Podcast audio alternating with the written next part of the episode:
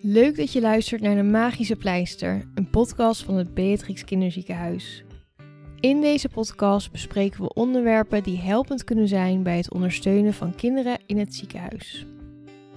Ik ben Amke Klompmaker van de Medisch Pedagogische Zorg en vandaag ga ik in gesprek met Elrolie Groeneveld, kinderverpleegkundige en therapeut medische hypnose. In deze aflevering bespreken we de kracht van woorden, want woorden kunnen schade toebrengen, maar ze kunnen ook helend werken. Uh, welkom Elrelie, leuk dat je vandaag in de podcast bent. En zou je jezelf kort willen voorstellen voor de mensen? Ja, ik ben uh, Elrelie Groeneveld, van origine kinderverpleegkundige. Ik werk in het UMCG en momenteel op de kinderpolykliniek als therapeut medische hypnose. Dus alle kinderen met onbegrepen pijn en andere klachten zoals angst, die uh, worden naar de sociale pediatrie doorverwezen. En uh, die help ik met medische hypnose. En daarnaast uh, train ik hier heel veel mensen om zich bewust te zijn van het taalgebruik dat wij gebruiken in het ziekenhuis. Ja, want daar gaan we het vandaag ook over hebben. En eerst ben ik wel benieuwd van welke ziekenhuissituaties jou nou het meest bijgebleven? Nou, als je dit zo vraagt, dan uh, schiet me een, uh, een casus te binnen van een jongen van een jaar of veertien. Ja, lag uh, op de afdeling op de special care met een scoliose OK. Of was geopereerd aan scoliose. En nou, daar staat een aantal dagen voor dat het kind weer opknapt en naar huis mag. En het vlotte niet. En op een gegeven moment werd er gevraagd van... Goh, kan je daar nog eens uh, met die ouders spreken of met het kind om te kijken hoe kunnen we hem helpen dat het makkelijker gaat. Nou, toen ben ik het eerst gaan uh, observeren en uh, bleek dat er heel veel aan hem gevraagd werd. Nou, hoe ernstig de pijn was en hoe vervelend het was en dat het inderdaad jammer is dat je dan niet zo makkelijk kan bewegen en kan draaien. En daarna vertelde hij dat hij gewoon ja, eigenlijk nog steeds heel misselijk was, dus het eten lukte ook niet. Nou, dan merk je gewoon dat zo'n jongen met alles zo in de negatieve spiraal terecht was gekomen. En toen ben ik met hem uh, wat oefeningen gaan doen, ook om te laten ervaren wat woorden doen met je lijf. En dat hielp heel erg goed. Uh, binnen twee dagen mocht hij uh, naar huis toe. Ja, want wat doe je dan met zo'n jongen? Wat, wat bespreek je dan? Um, nou, ik heb eerst uitgelegd dat dat wat je zegt en denkt heel veel invloed heeft op je lijf. En dan doe ik altijd zo'n hele leuke, grappige oefening met de sterke arm. Je vraagt of de ander de arm strekt en dan met twee vingers erop uh, duw ik er dan op. En dan zeg ik, oké, zeg maar hardop, ik kan het weer best sterk. En wat gebeurt er dan met je arm? Nou, die kinderen hebben dan een hele gespannen arm. Die krijg je gewoon eigenlijk niet naar beneden toe. En daarna zeg ik, nou, kan je nu eens hardop zeggen... ach, vandaag lukt het niet, ik ben zwak, ik ben zwak... Nou ja, dan duw je die arm echt zo naar beneden. En dan realiseren kinderen zich wat ze zeggen en wat ze denken dat dat invloed heeft op wat er met hun lijf gebeurt. Nou, en dan leg ik uit dat dat niet alleen is wat ze zelf zeggen en denken, maar dat dat ook is wat ouders tegen hun zeggen. Zij zijn een systeem, zij horen bij elkaar. Dus wanneer een moeder zegt: Ach, lieverd, wat ben je toch zielig en je hebt zoveel klachten, zoveel pijn. Waar gaat de arm van het kind dan automatisch naartoe? Dat is ook naar beneden. Dus het, dat wat ouders zeggen heeft invloed op het, hoe het kind zich voelt.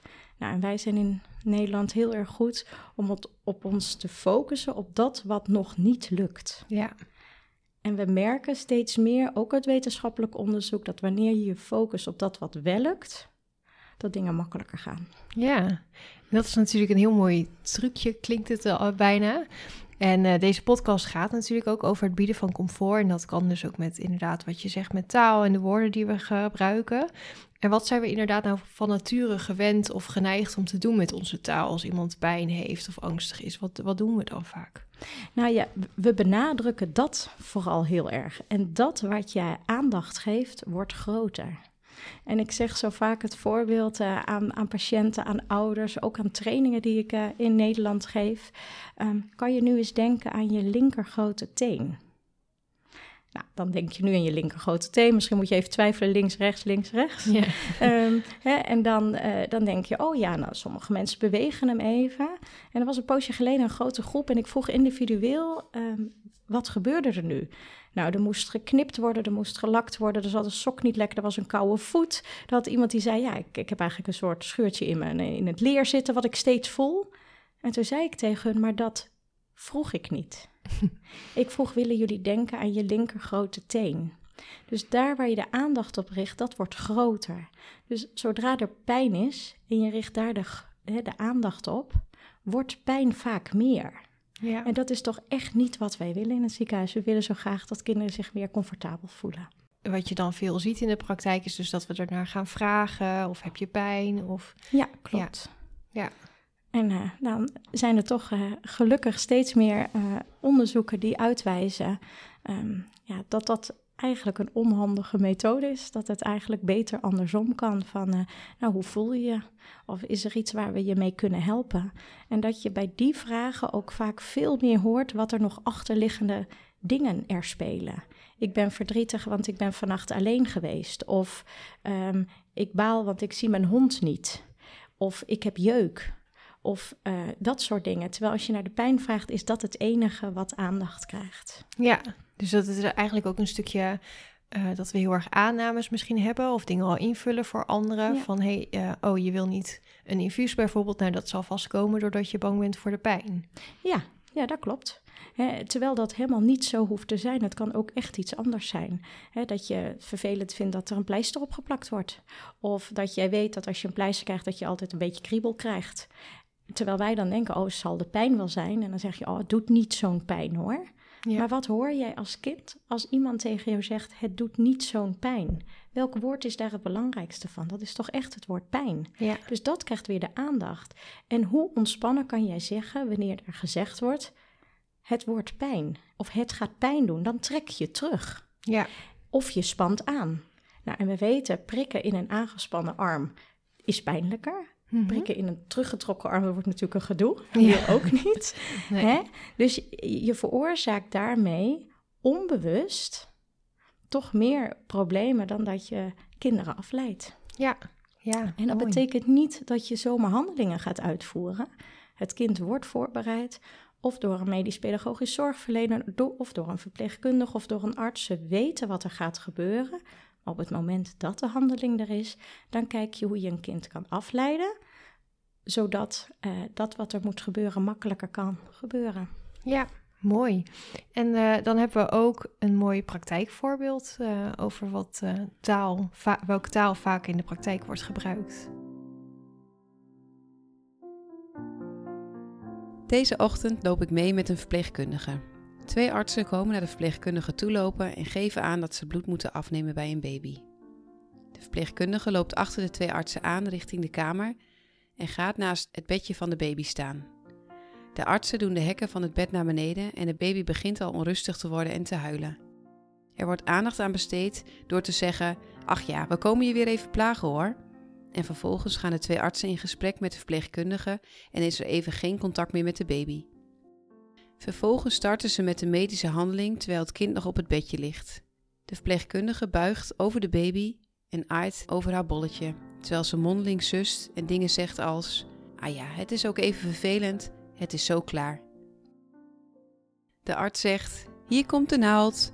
En terwijl ze het bloed afneemt, is het kind hard aan het huilen en de hartbewakingsmonitor slaat alarm. Ik lees af dat de hartslag van de baby 214 is en de hartbewakingsmonitor blijft tekeer gaan. Wanneer de bloedafname klaar is, tilt de verpleegkundige de baby op en begint haar te troosten. De baby is gelukkig snel weer rustig en de hartbewakingsmonitor stopt met het alarm te geven. De artsen lopen de kamer uit en ik blijf bij de verpleegkundige met de baby staan. De verpleegkundige kijkt mij schuldbewust aan en zegt dat het vaak allemaal snel, snel, snel gaat en dat het inderdaad niet even stilgestaan wordt bij hoe er contact gemaakt wordt met de baby en hoe er meer comfort geboden kan worden. Voordat je het weet, is de handeling al klaar en kijk je inderdaad erop terug met het idee: dit had eigenlijk anders gemoeten, dit had eigenlijk anders gekund.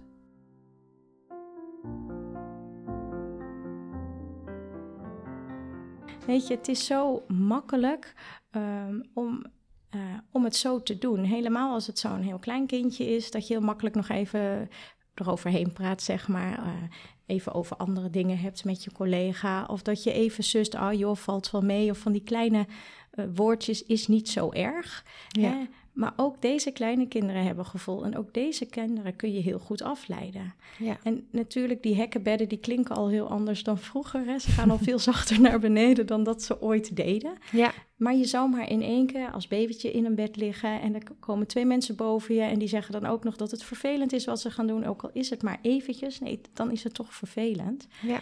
Uh, hoe belangrijk het is om contact te maken met het kind, hoe jong ze ook zijn, om ze daarna af te leiden. En om daarna heel goed te troosten en dan ook de goede zinnen te zeggen. Ja, en dat is wel een mooie wat je zegt, met een, wat misschien nog een goede toevoeging is, is uh, dat mensen het snel als een kind gaat huilen of een baby gaat huilen, um, toch de neiging hebben om tijdens de handeling al te gaan troosten. Maar dan Mhm. zeg je eigenlijk als ouder of als zorgverlener, uh, inderdaad, het is ook heel vervelend wat we aan het doen zijn, want we gaan je troosten.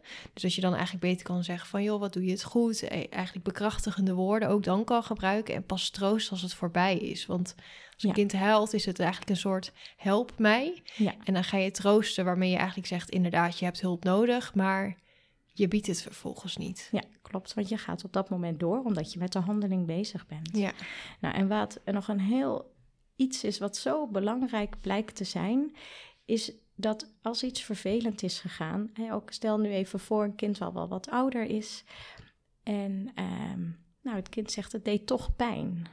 Als je dat dan helemaal beaamt, zegt ja, was ook vervelend, hè? ja, is ook een naar onderzoek. Dan blijft dat hangen in het brein van het kind. Het is logisch dat ik huilde, want het was heel vervelend. En mama of de verpleegkundige of wie dan ook zei ook nog: zie nou wel, het was ook vervelend. ja, Wij denken dat we daar goed mee doen, maar dat beklijft in iemands hersenen. Terwijl als je zegt: ik heb je gehoord. Wat ben je knap stil blijven zitten of wat heb je je knuffel goed vastgehouden? Dan zet je het kind ook weer in zijn kracht ja, dat hij dat gedaan heeft en dat wordt dan onthouden. ja. En als je dat weet, dat dat zo werkt, kan je daar steeds meer naartoe werken om dat ook te gebruiken, dat soort zinnen. Ja, en ik, eh, je geeft natuurlijk ook trainingen. En Mhm. ik weet dat de reactie die mensen ook vaak hebben als ze dit horen over taal, wat je wel en niet doet, dat ze het soms toch best wel lastig vinden, omdat denk ik veel mensen hebben geleerd. Je moet altijd eerlijk zijn tegen een kind als het in het ziekenhuis komt. Je moet dus ook vertellen als het pijn gaat doen. Ja, En dat dat, als je het dus ontwijkt, het woord pijn bijvoorbeeld, of het niet gaat noemen, ehm, dat mensen dat eh, het voelt alsof ze niet eerlijk zijn tegen hun kind. ja dat klopt. Alleen weten wij niet hoe de ander het voelt. En ehm, indien je in het verleden heel veel pijn hebt meegemaakt, zul je dat anders ervaren dan iemand die voor het eerst komt. En we hebben zoveel kinderen die voor het eerst geprikt worden en die worden afgeleid en die krijgen mogelijk nog EMLA op. eh, en die zeggen, ja, ik voelde wel wat, maar was dit het nou? Ja, en de EMLA is de verdovingszalfpleister, Ja, dus dat de huid ja. al verdoofd is. Ja, En we weten, die moet een poosje zitten, meer dan een uur. Dan doet het steeds beter zijn werk. Dat zijn allemaal dingen die, we, hè, die je kan gebruiken. Maar we weten ook hoe taal dan alsnog belangrijk is bij het, eh, het, het geven van een infuus of bij het plaatsen van een infuus. Ja, ja en dat is ook mooi eh, wat je zegt. Bijvoorbeeld, ik denk dat veel mensen bij prikken veel eh, daar ook ervaring mee hebben dat hun kind bloed moet prikken of ehm, een infuus. En dat ze dan al eh, vaak zeggen van ja, het doet wel even pijn. Dus dat het een goede realisatie is van dat hoeft geen pijn te doen. Nee, en we, en we merken echt steeds vaak, ik moet er ook wel om lachen, als we een poosje geleden gebeld werden door een moeder vanaf de polykliniek, hadden we vaccinatie gezet. En met hele mooie afleiding, dat die moeder belde, hebben jullie echt wel geprikt, want ze voelt niks. Maar wij hadden ook de suggesties meegegeven dat haar arm zo normaal mogelijk zou blijven. Hè, vroeger werden we ge- gebeld van het deed zo vreselijk zeer en hadden we niet de zenuw geraakt. Ja, Eh, dus dat, eh, eh, dat blijft, maar dat was, is wel grappig. Ja. Ja. dus dat het echt, echt met afleiding zoveel makkelijker wordt. En ehm, eh, dat het dan ook minder gedoe is. ja, En het werken zoveel leuker maakt. Ja. Makkelijker ook. Ja. En wat zijn nou eh, praktische zinnen die ouders bijvoorbeeld kunnen gebruiken dan? Wat kunnen ze nou tegen hun kind zeggen als ze wel vragen, het gaat, pijn doen, gaat het pijn doen? En zelf vragen bijvoorbeeld? Ik weet niet precies wat jij gaat voelen. Dat is eigenlijk altijd de antwoord wat ik dan geef. Want ik weet niet hoe het kind het gaat voelen. Ja, Sommige kinderen voelen dat het wat drukkend is, of die hebben er een gek gevoel bij, of vreemd gevoel. Hoor je ook wel veel kinderen zeggen. Ik vond het een beetje vreemd. ja, Ehm, en dat ik dan zeg van, eh, ik ben benieuwd hoe jij het voelt. Vertel het me maar achteraf. Ja.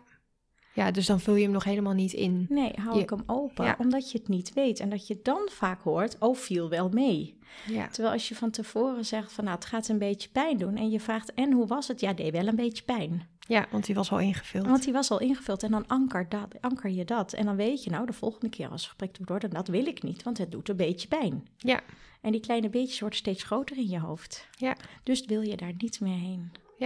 En stel je voor, er zijn ook medische handelingen waarvan ze weten van tevoren, joh, daar, daar, daar heb je pijn of daar, dat voelt eh, niet fijn. Eh, wat zijn dan andere woorden die je kan gebruiken? Als je toch denkt, oh, ik moet het toch het voorbereiden, want anders Ja. ben ik misschien ook het vertrouwen nou, je hebt kwijt. woorden zoals eh, dat het onprettig voelt of ongemakkelijk. Ja, Dat soort woorden met het woordje on, hè, dan iedereen weet, als je zegt dat is een onprettige handeling, iedereen weet dat het dan niet leuk is. ja, Alleen zodra je het woord pijn gebruikt, gaat jouw lijf in de weerstand. Want er hoort geen slang of naald of iets in je lijf. Dus het is een hele logische reactie dat je lijf zegt: Oh, dit wil ik niet. ja, Hè, en, en dus wat gaan kinderen dan doen? Heel hard huilen, want wat denken ze dan? Mama tilt me op en neemt me mee. ja, En dat gebeurt niet, want een ouder denkt, ja, maar het moet wel gebeuren, want dit is een opdracht van de arts of dit maakt mijn kind beter. Dus dan zeg je, nou, duurt maar even. Dat weten we heel vaak niet. Of valt wel mee, dat weet je ook niet. Dus dat je kan met die positieve suggesties, we geven je dit, zodat. We geven je dit medicijn zodat je meer lucht krijgt. Of we geven je deze medicatie zodat je hoofd rustiger wordt. Praat naar het doel toe. Zeg waarom je het doet. Ten wat je wel wil in plaats van wat je niet wil. En eh Elrelie, jij werkt inderdaad ook met eh, kinderen met bijvoorbeeld onbegrepen pijnklachten of chronische pijnklachten. En ehm, hoe sterk is je brein ook? Hoeveel effect heeft taal op jouw lichaam? Ja, ik verbaas me elke keer weer. eh, wanneer ik patiënten krijg eh, die dan al drie jaar lang niet meer naar school gaan omdat er heel veel pijnklachten zijn, die je dan heel rustig uitlegt wat er gebeurt met pijn en brein en vastzitten van klachten. En dat je dan deze kinderen gewoon ook meekrijgt in een verhaal. Hè. Hypnose is dagdromen met een doel. Nou, het doel is wat je wel wil. Ja. Eh, en dat je daar dus dan met oefeningen kinderen ook zover kan krijgen dat de processen in hun lijf, dus die oversensitisatie van pijnklachten, dat die weer gewoon rustig kunnen worden. En dan denk ik, ja, ik heb echt het mooiste werk van de wereld. Dat je kinderen die niet meer school gingen, gewoon weer op ziet knappen. En dan ook vaak in een kort tijdbestek. En dit geldt voor heel veel dingen, voor hoofdpijn, voor buikpijn, voor allerlei aandoeningen. Dus dat is echt heel erg mooi. ja, en dat is dus echt puur taal en Puur taal en ja, ja, hè, voorstellen en eh, onder hypnose. En hypnose wordt natuurlijk als heel groots gezien. Ja, Eh, en het is iets wat we allemaal een paar keer eigenlijk doen per dag. hè. Zo'n trance, die, die kennen we allemaal. Hè? Dat je in de auto zit en dat je denkt, oh, ben ik hier al? Of dat je eh, een boek aan het lezen bent en iemand komt binnen en die roept en je denkt, oh jee, ik schrik ervan. Ik zat helemaal in mijn verhaal. ja, Hè? En, eh, en wat maakt het bijzonder is dat je suggesties geeft, suggesties naar het doel toe. En medische hypnose is ook permissief, eh, ingewikkeld woord om te zeggen dat je de keus bij het kind laat. Jij weet wel wat prettig voor jou is. ja. En ik weet ook dat jij vaak ook zegt, we doen het eigenlijk allemaal, alleen dan Ja. de negatieve kant op, namelijk piekeren. Ja, en piekeren vinden we allemaal heel normaal. En ik noemde vanmorgen nog naar een, eh, een patiënt toe van, eh, nou, we hebben wolven in, eh, in Drenthe. En eh, die zijn s'nachts actief. Dus eh je gaat op vakantie naar Drenthe of je woont in Drenthe en denk je, nou, vannacht moet ik maar niet door het bos fietsen. En dan denk je, dat is een hele gewone logische reactie, want dan zijn de wolven actief. En dat je dan denkt, oh ik moet vanavond eigenlijk maar niet er langs gaan. Want ja, een wolf weet toch ook niet dat het vijf uur pas is en dat het dan al donker is. Hè? Misschien loopt hij dan al rond. En dat je dan helemaal aan het eind denkt, ik denk dat ik helemaal niet op vakantie naar Drenthe wil. Want stel nou voor dat ik een wolf tegenkom. Dat is een beschermingsreactie van je lijf. Hè? Je vergroot het dan eigenlijk. Ja, En, en, en, en hier is het dan andersom. Hè? Met eh, hypnose ga je juist toe naar het doel van wat wil jij wel? Ja. En hoe kan je dat met elkaar eh, veranderen? ja, mooi. Ja, Ja. super, gaaf. Bijzonder hoe dat ook werkt. Ja, echt. Ik, ik eh, nou ja, soms denk ik wel, ze zouden mij nu moeten zien zitten met een glimlach op mijn gezicht. van de mooie, veelal mooie Voorbeelden. voorbeelden. Ja, ja.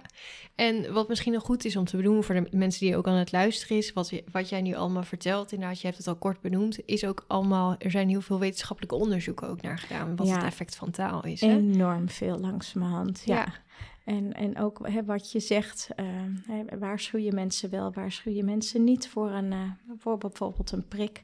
Dat er echt significante verschillen zijn met of je dat wel doet of niet. Ja, En eh, wat ik het allergrappigste vind is, nou, je kan natuurlijk iemand zeggen, hè, ik, ik, hier komt een infuus en het, eh, ik, ik, het is koud, het doekje, en het zal pijn doen, hier komt de prik 1, 2, 3. ja, Nou, dan kan je het ook neutraal zeggen, dus van, nou ja, ik, ik poets. En eh, hier komt de naald, hè, dus dan maak je het een stuk eh, korter. Of ik doe de band om en dan natuurlijk de rest. Hè. Moeten het wel even het hele proces mooi eh, benoemen. En dat je het als je het hypnotisch doet, verwarrend taalgebruik ook. Dat je dan vraagt van, nou ja, hoe ben je hier gekomen? En hoe lang heb je erover gedaan? En dat je dan een gekke zin vraagt. Nou ja, een van de onderzoeken is inderdaad eh, van, is je fiets ook nog naar het zwembad geweest? Mm. Of in het zwembad gevallen of zoiets? En dan denkt een kind, hè, wat is dit nou? En op het moment dat ze dat denken, zijn ze niet meer bezig met de procedure, maar zijn ze bezig met om te lachen of te zeggen, hè, wat is dit nou? En dan voel je het gewoon veel minder of niet. ja, En dan zie je echt dat de gemiddelde vastscore, hè, dus de pijnschaal waarin eh, onderzoeken of waarin pijn wordt aangegeven, ehm, dat die vastscore bij een infuusprikken met verwarrend taalgebruik is ongeveer 1. En, en dat het gemiddelde van, ehm, van patiënten die je vraagt van nou en hier komt de prik en, hè, en dat je echt alles benoemt en dan ook nog negatief. Het doet even zeer en het is even koud en hier komt de, hè, de naald en het is vervelend. Ja, dat die dan gemiddeld een vastscore hebben van 4, 5. Nou, dat vind ik echt wel eh, grote verschillen. ja, dat is een hele grote. Dus op een Ja, schaal van 0 tot 10. Ja. Dus inderdaad, hypnotisch is een, eh, een score van 1 qua pijn Ja. en de andere groep gemiddeld een Ja, 5. En ik denk dat het dan goed is om dat wel te benoemen. Ik ga zo een paar bijzondere vragen stellen, hè, dat je dat tegen de ouders zegt. Ja, Eh, want dat helpt jouw kind dat het makkelijker gaat. Dus Ja. ook nog het doel waarom je het doet. dus ook dat ouders, als deze, deze podcast luisteren, dat ze ook als ze bij ons in het ziekenhuis komen en wij gaan het hebben over de vakantie in Frankrijk, dat ouders niet denken, hè, maar we zijn hier toch voor het prikken en eh, waar hebben jullie het over? Maar dat ze ook weten dat we dat bewust doen. Ja, en, en dat de ene collega zal veel meer dat soort vragen stellen... en een andere collega leidt op een ander moment, eh, hè, op een andere manier af, sorry. Ja, Ehm, en dat het allemaal is om je niet te focussen op dat wat er is. Omdat je, we weten dat wanneer je dat doet, dat, dat het de pijn of de klacht of de, of de jeuk of iets verergert. ja, En ehm, eh, er zijn natuurlijk ook kinderen, en die zijn er ook echt veel, die willen heel graag wel kijken. ja, Prima. Wanneer dat goed gaat, geen enkel probleem. Maar als je merkt, het kind trekt dan drie keer terug en dan uiteindelijk eh, moet je zeggen, ga maar naar huis, want het wil zo niet. Dan kan je die kinderen uitleggen wat afleiden doet. ja. En als het kind wil kijken, dan is het alsnog welke woorden. Dus dat je Ja. niet dan alsnog zegt van, oh, het eh, gaat wel pijn doen hoor, dus eh, pas maar op, hier komt ie. Ja. Maar inderdaad, we gaan het voorzichtig doen en kijk maar rustig mee. Ja, Ja. en we doen het samen. We doen het samen, is ook een hele krachtige zin, ja, hè? zeker. Ja. Ja. ja. En eh Elrelie, de titel van deze aflevering is eh, inderdaad de kracht van woorden. En wat is nou jouw krachtigste woord of zin? Welke wil je eigenlijk dat e- eigenlijk iedereen gebruikt? Ik bedoel natuurlijk. het is een zinnetje die, zodra je met eh, deze positieve zinnen bezig gaat, dat je zo vaak merkt dat je zegt: we gaan het proberen. Proberen is of niet lukken. Ja, Dus wanneer je zegt ehm, dat toevallig eh, zegt en je zegt: ik bedoel natuurlijk, we gaan kijken hoe goed het lukt, dan hoort het brein van de ander het woord goed en lukken. En de kans dat het dan slaagt is net een beetje groter dan wanneer je zegt: we proberen het. ja, Want als het eerder niet gelukt is, denk je bij, nou ja, we zullen wel zien hoor. Ja. Weet je wel zo. zoals met medicijnen, als de arts tegen je zegt, nou, we gaan dit medicijn proberen, maar Ja. ik weet het niet. Precies, dan zit je lijf direct in de, in de brein van, nou, dat weet ik niet. Dan zal het wel niet zoveel zijn. Terwijl wanneer je zegt, we gaan kijken hoe goed dit werkt, Ja, je, jouw brein al mee helpt dat de medicatie nog beter zijn werk gaat doen. Ja, hoe gaaf is dat? ja. en hoe makkelijk ook. En hoe makkelijk, Ja. het is echt waar. Alleen een paar zinnen. Ja, dat, eh, dat is zo enorm. eh. Dus het zinnetje, hè, hoor je jezelf dingen zeggen die onhandig zijn, zeg dan, ik bedoel natuurlijk. Ja, en dan kun je hem altijd nog Ja. omdraaien. Dat is nog goed om te zeggen, denk ik. Eh, in het ziekenhuis zijn we dus heel veel met dit taalgebruik bezig. En als je het voor het eerst hoort, dan ehm, word je hier bewust van. Daar is, dat is ook deze podcast. En dan hoor je hier waarschijnlijk jezelf heel vaak nog wel die andere woordjes zeggen. Dat je denkt, oh ja, dat heb ik gehoord dat het niet handig was. Ja. En weet ook dat het niet erg is als je het nog wel een keer zegt. Dat het echt in onze natuur zit en dat je het moet oefenen. Dat het een Ja. bewust proces moet worden om het anders te gaan doen. En dat is ook hoe mensen geleerd zijn, eh, eh, op de opleidingen ook, wat je moet doen. Ja, Je vertelt precies wat je doet. Nou, en nu komt uit wetenschappelijk onderzoek naar boven de afgelopen jaren al, maar we zijn nu met een omslag bezig, dat het nog beter is om het anders te doen. Ja. En dat anders kan heel erg goed met taal. ja. En dan Elrelie, de laatste eh, vraag die ik voor je heb is... welke tip zou je jezelf een paar jaar geleden graag gegeven hebben? Oh, wat een leuke vraag. Eh, ehm, Wat weet je nu wat je toen dacht... oh, had ik dat toen maar al geweten? eh, dat taal magisch is. Ja. dat je zoveel kan doen daarmee. Dat Ja. is echt, als ik dat eerder had geweten, dan had ik al jaren dit stuk gedaan. Nou, Eh, mooie afsluiting. ja. Dankjewel, Elrelie. Graag gedaan. Bedankt voor het luisteren naar deze aflevering... waarin Elrolie ons iets heeft verteld over het effect van taalgebruik in de medische setting. Op de website van Kind en Ziekenhuis is nog een folder te vinden genaamd Hoe kun je je kind helpen tijdens een ingreep? En in deze folder kun je lezen hoe je als ouder helpende taal kan toepassen. Deze podcast is mede mogelijk gemaakt door Stichting Vrienden Beatrix Kinderziekenhuis. En voor reacties en tips kunnen jullie terecht bij het mailadres de magische pleister.